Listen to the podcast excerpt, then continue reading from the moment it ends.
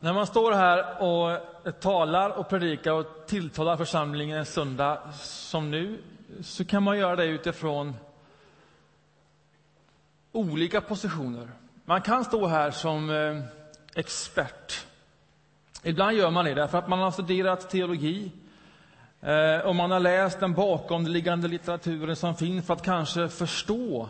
Och så kan man genom den expertisen mjölka ut någonting som inte var alldeles givet om man bara läste texten som den stod. Ibland är man här som expert. Andra gånger står man här som, eh, som den som verkligen vill vittna om någonting, därför att man har varit med om någonting som bara är så viktigt. Och detta måste jag få berätta, och jag vill berätta det för församlingen. Det är vittnesbördet. Men det jag tänker mig nu det är att jag står här vare sig som expert eller bara som ett eget vittnesbörd. Idag är ämnet att leva tillsammans, ta vara på det du har. Idag handlar det om livskamraten. Då tänker jag att i det här rummet finns det så oändligt mycket erfarenhet i den frågan. Att det bästa vi kan göra här och nu egentligen, det vore att bara bryta ner den här gemenskapen i små grupper och så börjar vi samtala med varandra. Hur har ditt liv sett ut? Hur ser ditt liv ut nu? Vad drömmer du om? Och så börjar vi liksom komma bakom det här. Men nu är det inte fysiskt möjligt här och nu och det skulle skapa väldigt mycket obehag. Sådär. Så jag tänker mig att här och nu är jag mer av en sorts kanal för en hel del av erfarenhet som finns i den här församlingen och varav jag är en, naturligtvis. Men genom ganska många år i den här kyrkan så har man fått också del av ganska många berättelser. Och som pastorer emellan så delar vi inte vad som sker i berättelserna och vem det gäller eller någonting, men vi håller varandra uppdaterade på vad är det som händer i församlingen nu? Vad är frågorna? Och under några ganska många år så har man byggt på en viss erfarenhet och så tänker jag att nu, nu är det dags för oss att initiera ett samtal igen. Det gör vi ju nu och då, men kanske lite för sällan, om vad det är att leva tillsammans. Och jag tänker så här. Lyssna på det här noga nu. Det viktigaste, det är nog inte exakt vad jag säger nu. Utan att jag säger någonting. Är ni med? Alltså det är inte ett sätt att fly allmänt ansvar, men jag tror kanske att det viktigaste, det är inte exakt vad jag säger.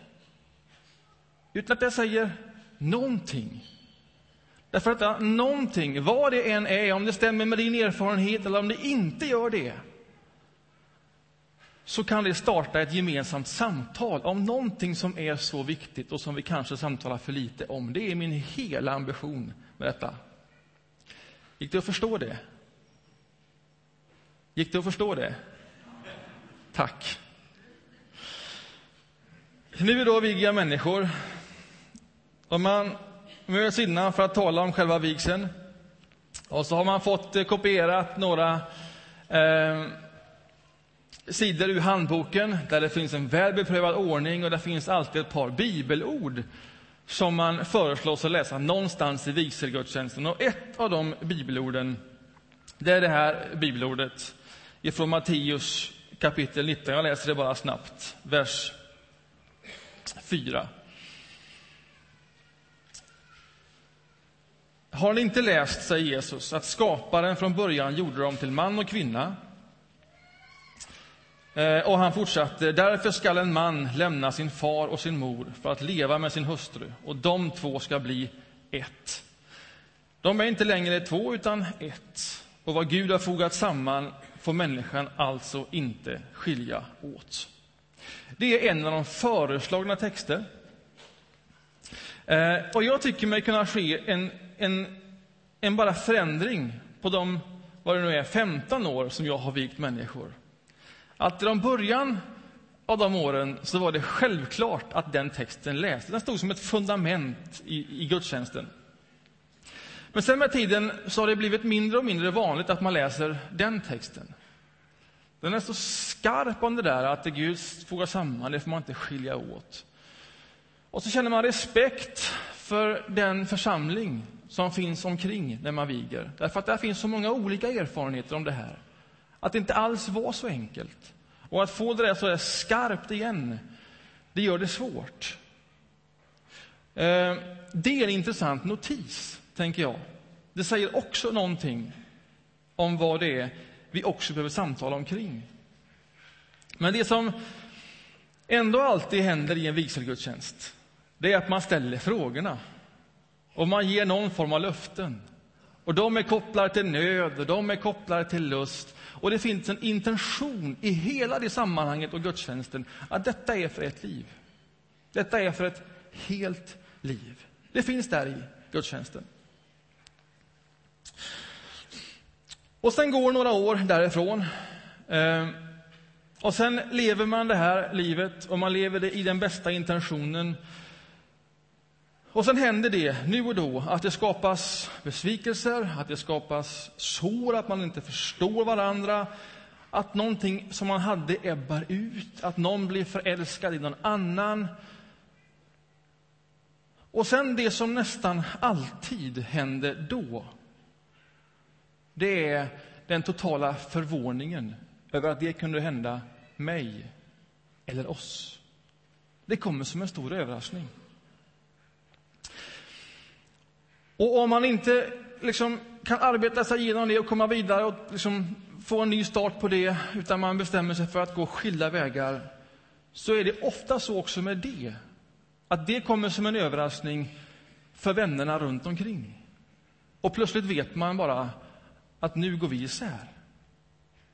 Det där är intressant att bara notera, att säga någonting om. Och jag tror att båda de två sakerna, att man själv blir förvånad hur det kunde drabba mig, eller oss, och att det är omgivet av så mycket tystnad att man inte bjuder in sina vänner i det som också är svårt. Alltså bara det är skäl nog för att här och nu säga någonting om det. Någonting. Alltså inte exakt vad jag säger är det viktigaste. Du får hänga upp dig, du får tycka emot. Det är inte det viktigaste. Men att vi säger någonting och bara börjar samtala och ge varandra förtroenden, det tror jag är viktigt. Vad är det då som händer mellan löften, en god intention för ett liv och så kris? Vad är det som man är med om i det här livet? Och vad är det man kan vara med om? när det är som bäst. Jag tror så här. Alltså man kan fånga in det i en mening. Det viktigaste som kan hända här emellan. Det viktigaste som kan hända, det är vänskap. Det viktigaste som kan hända, det är vänskap. Och sen är det viktigt att säga i detta att ingen här i är immun mot kris. Ingen. Oavsett. Ingen är immun. Ingen skulle bli förvånad över att det just hände mig eller oss. Det måste vi också få säga till varann. Jag ska läsa en text om det här ifrån Första Korintierbrevet, kapitel 7. Första Korintierbrevet, kapitel 7, och från vers 1.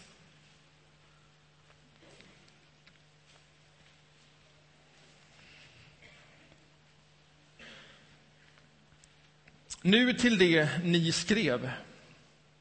Det är bäst för en man att inte alls röra någon kvinna. Men med tanke på all den otukt som finns ska mannen leva med sin hustru och kvinnan med sin man. Mannen ska ge hustrun vad han är skyldig henne och på samma sätt hustrun sin man. Hustrun bestämmer inte själv över sin kropp. Det gör mannen. Likaså bestämmer inte mannen över sin kropp. Det gör hustrun. Håll er inte ifrån varandra annat än för en tid, om ni har enats om det, för att, vara, för att ostört kunna ägna er åt bön och sen vara tillsammans igen. Annars kan Satan fresta er eftersom ni inte förmår leva avhållsamt. Detta säger jag som ett medgivande, inte som en befallning.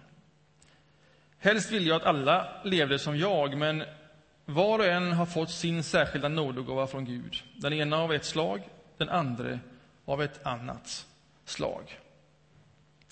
Det där är ju en väldigt intressant bibeltext. Och när jag läser den så tänker jag att det första intressanta, det är hans start, nu till det ni skrev. Det där är väldigt uppmuntrande. Alltså här är en församling tidigt, den finns beskriven i den tidiga kyrkans historia. Och i den församlingen har de problem.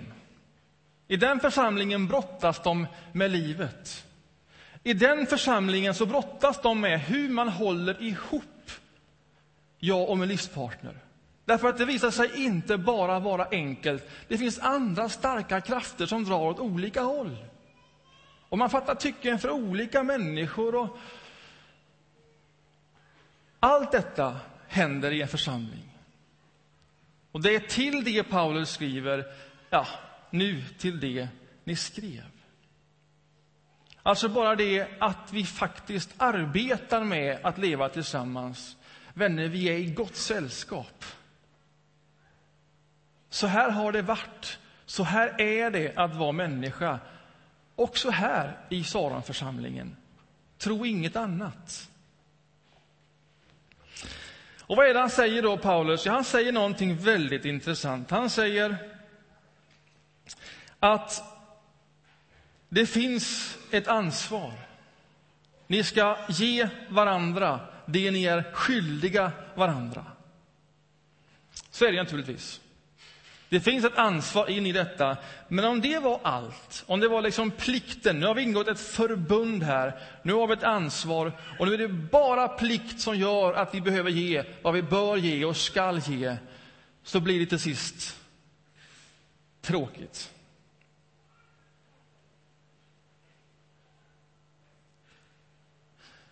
Det håller inte ihop.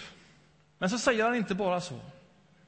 Han säger också någonting sen som inte bara har med plikt och ansvar att göra. Utan han säger också någonting som har med gåva att göra.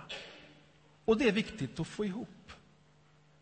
Ett äktenskap rymmer mycket av ansvar, viss plikt. Men i botten ligger en stor gåva och ett enormt förtroende som någon har gett mig. Nu äger inte längre jag min egen kropp, den äger Johanna. Och nu äger inte hon sin kropp, den äger jag. Skrämmande tanke. Men tänk att någon har tagit sitt liv. Och det livet har någon lagt i mina händer och sagt det här förtroendet, det ger jag dig. Det finns ingen större gåva. Och så har jag tagit mitt liv, hela mitt liv, och så har jag sagt, det här, det här är mitt liv. Det här ger jag dig. Det är ett stort förtroende. Ta vara på det. Och sen vet man ju det att som människa är man ju inte bara någon isolerad och så får man den, utan när man har fått en människa, när man har fått det förtroendet, då ligger ett ansvar i det.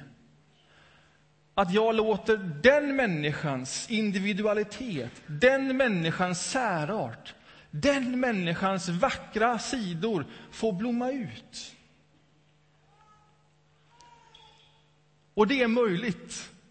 Inte bara isolerat som en individ, därför att man blir också någon tillsammans med en annan.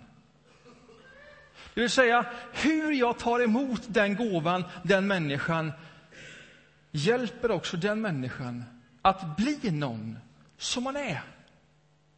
Här finns plats för min individualitet, här finns plats för min särart.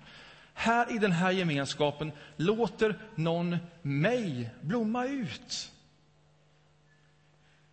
Och det tjusiga är att det där sker ömsesidigt. Att det sker på två håll.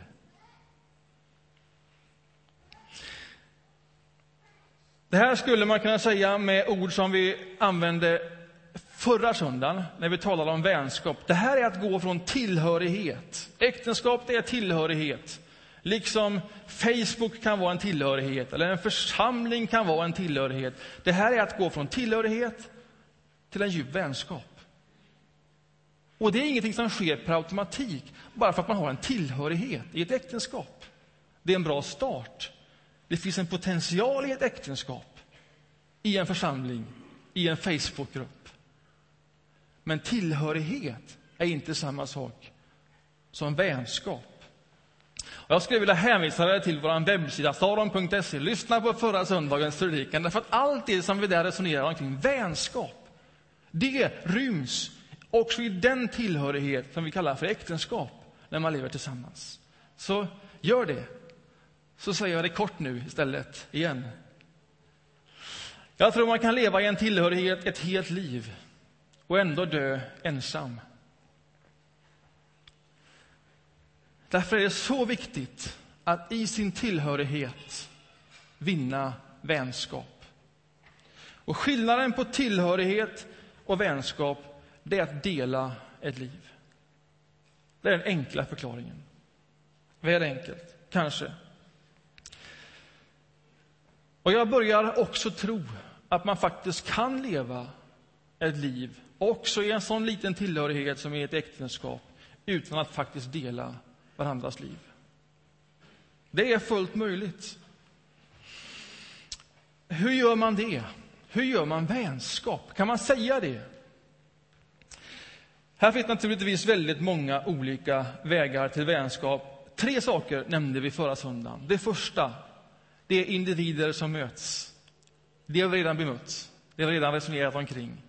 Alltså att du låter den andra människans individualitet få komma fram. Att man inte själv måste ta ett steg fram, tala om att jag går in i detta därför att jag vill ha ut av detta just detta. Det är mera individualism än individualitet.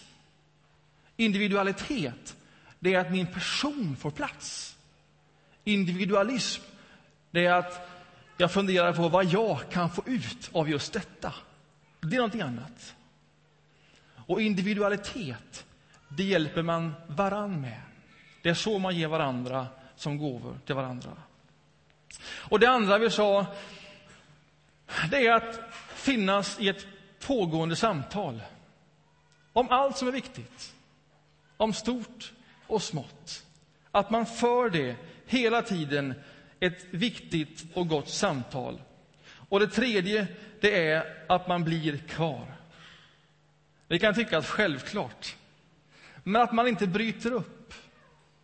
Alltså när den andra människans individualitet kommer fram och det finns saker det som jag inte riktigt gillar. Det enklaste då det är att bara gå vidare och bryta upp. Kanske inte från ett äktenskap på en gång, men ändå bryta upp och gå vidare därför att det blir så arbetsamt att ta tag i det som kommer fram. Men att bli kvar i samtalet, där man låter den andra blomma, där finns verktyg för vänskap. Vad är det då som hotar denna vänskapen?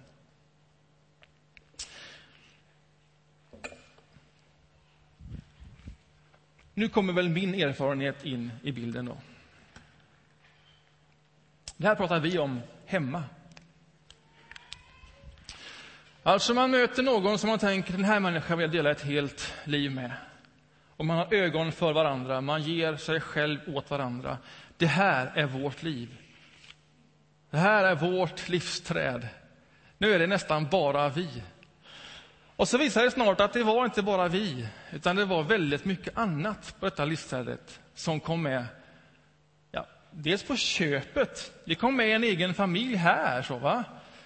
Med svärföräldrar och annat. Och det kom med syskon på den här grenen och sen så småningom kom det med kusiner. Och det var likadant på det här hållet. Att det följde med en väldigt många olika saker som också tog tid. Sen dröjde det inte länge förrän jag fick egna barn. Oj, det kom ett barn till.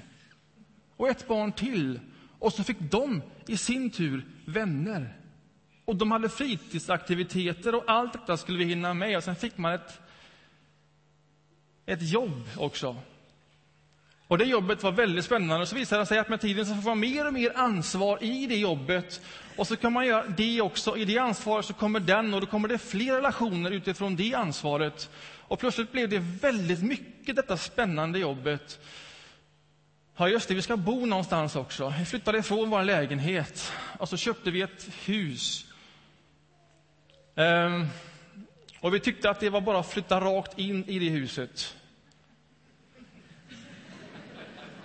Och så var det inte riktigt det. Vi började i ett hörn och sen blev det hörnet ännu större och sen tog det över allting det hörnet.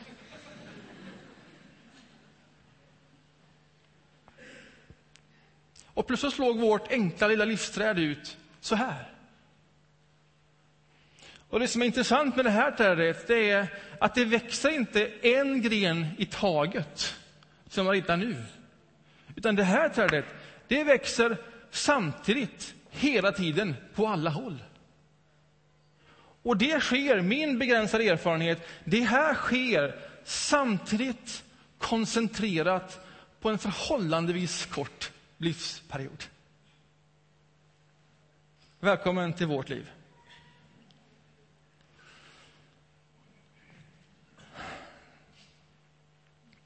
Vad gör man med ett sånt här vildvuxet träd? Ja, men som med all, allt vildvuxet. Om man låter allting växa samtidigt utan att man riktigt liksom har koll på det, utan att man beskär och gallrar, då låter man till sist ingenting riktigt bli riktigt stort. Man ger inte något väl val gren potential att få fatt i näring och bära frukt. Utan allt det som är gott skuggar till sist varann.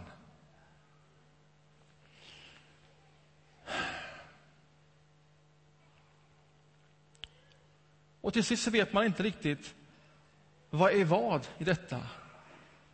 Man trodde man gifte sig med en människa, men det känns mer som att man är gift med tre barn. Hur gick det till? Bara en sån sak. Av alla möjliga. Vad gör man, vad gör man då? Ja, man måste börja beskära det här trädet. Man måste börja bestämma sig. Alltså, om det är vänskap som är det viktiga som kan hända. Alltså, vad av allt detta måste jag beskära så att jag gör det möjligt att låta någonting växa sig större, att det får näring och att det kan börja bära frukt. Paulus säger så här, alltså håller inte ifrån varandra, för det klarar ni inte av. Det blir aldrig bra. Jag tror kanske för våran del, i vår familj och i den erfarenheten som finns här, så kanske det inte är den stora frågan. Det handlar inte om geografi. Utan när allting växer samtidigt så kanske man håller sig ifrån varandra, inte geografiskt, men mentalt känslomässigt därför att det finns inte riktigt plats för det i detta liv. Allting kan inte hända samtidigt. Det behöver beskäras. Så tror jag.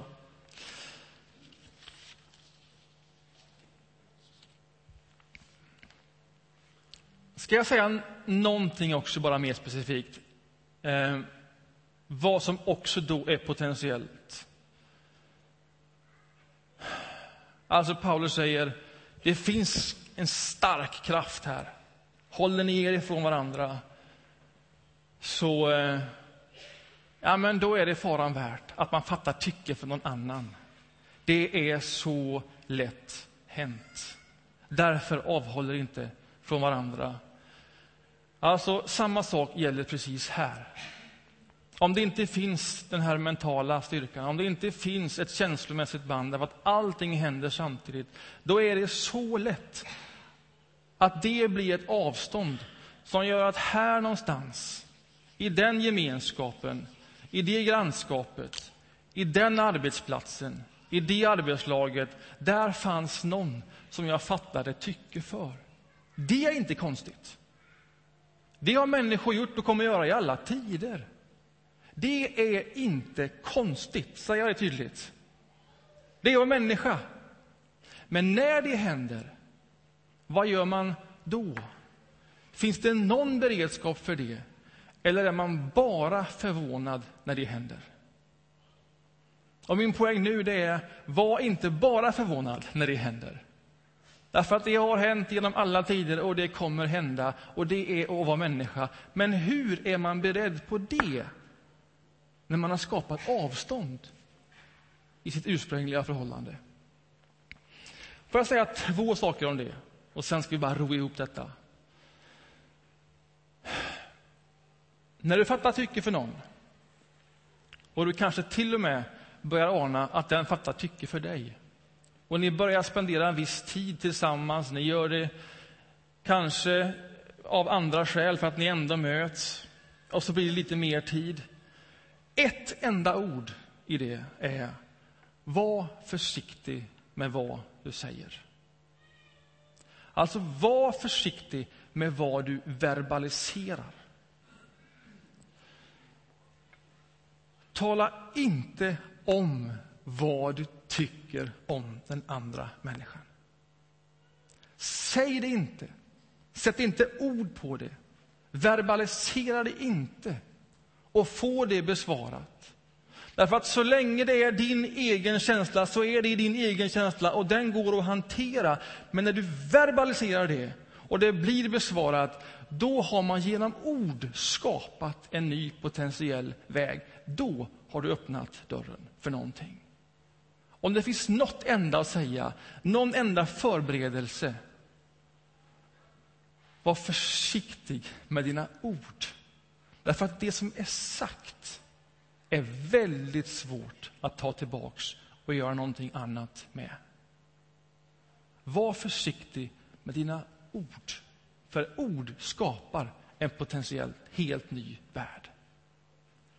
Så om man ändå inte känner att jag vet hur jag ska hantera den här känslan och den växer sig stark. Jag måste göra någonting om det, jag måste säga någonting. Ja, men ibland är det så. Att det är bra att säga någonting. Men då hör det samtalet hemma här. Hos dig och din livskamrat.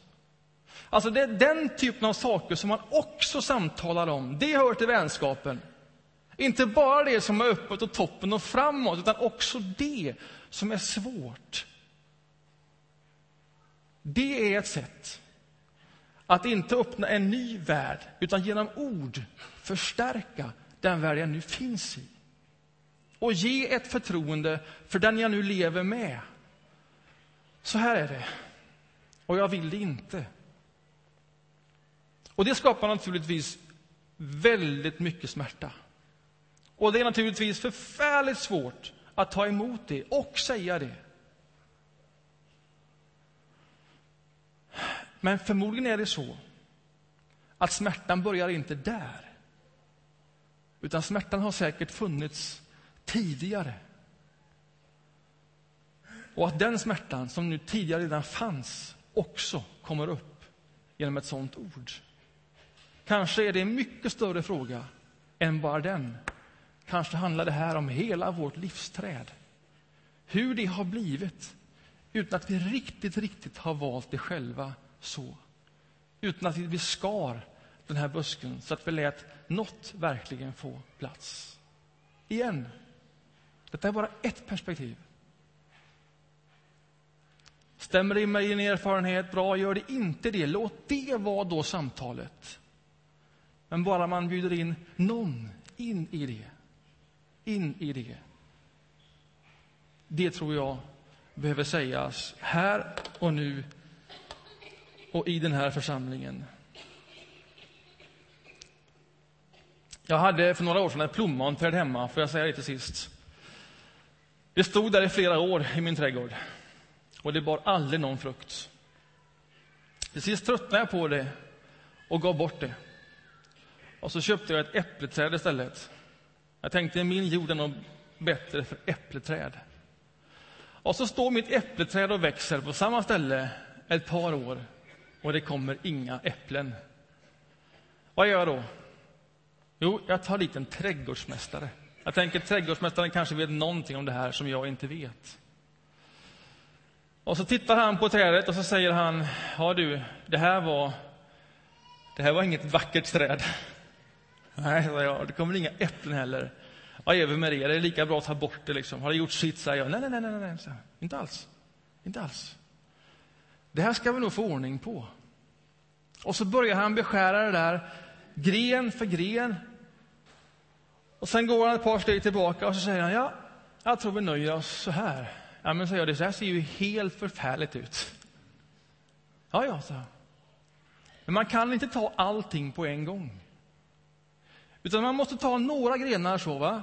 Och sen kommer jag tillbaks nästa år. Och sen gör vi det här under ett par, tre, fyra år. Ska du se, vi ska nog få ordning på det här trädet. Och så är det. Så länge man vill så går det att beskära ett träd. Inte i ett drag, men steg för steg. Så tror jag allt är möjligt, så länge man vill. Och i år fick vi några äpplen för första gången. De flesta maskätna, men det var ändå äpplen, tänkte jag. Det är en bra start. Så, vad vill jag säga? Ett, var inte förvånad om det händer dig. Och förvåna inte dina vänner helt om det händer er. Utan gå från tillhörighet till vänskap i ditt äktenskap. Men också från tillhörighet till vänskap omkring ditt äktenskap. Du har allt att vinna på det.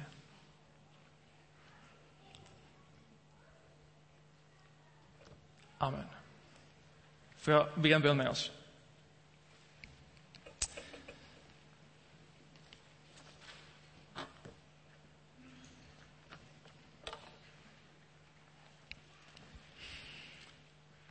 Gud, du har, du har skapat den här världen.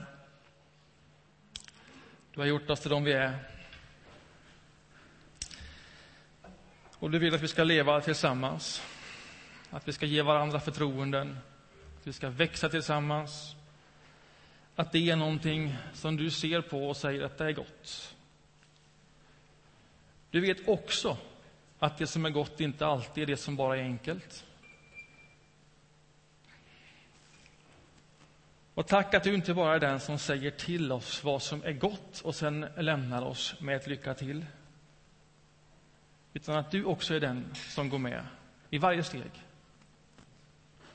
Där vi nu står och där vi nu befinner oss. Hjälp oss att eh, se det. Att ta emot varandra och också dig. När vi skapar och bygger vår vänskap. Amen.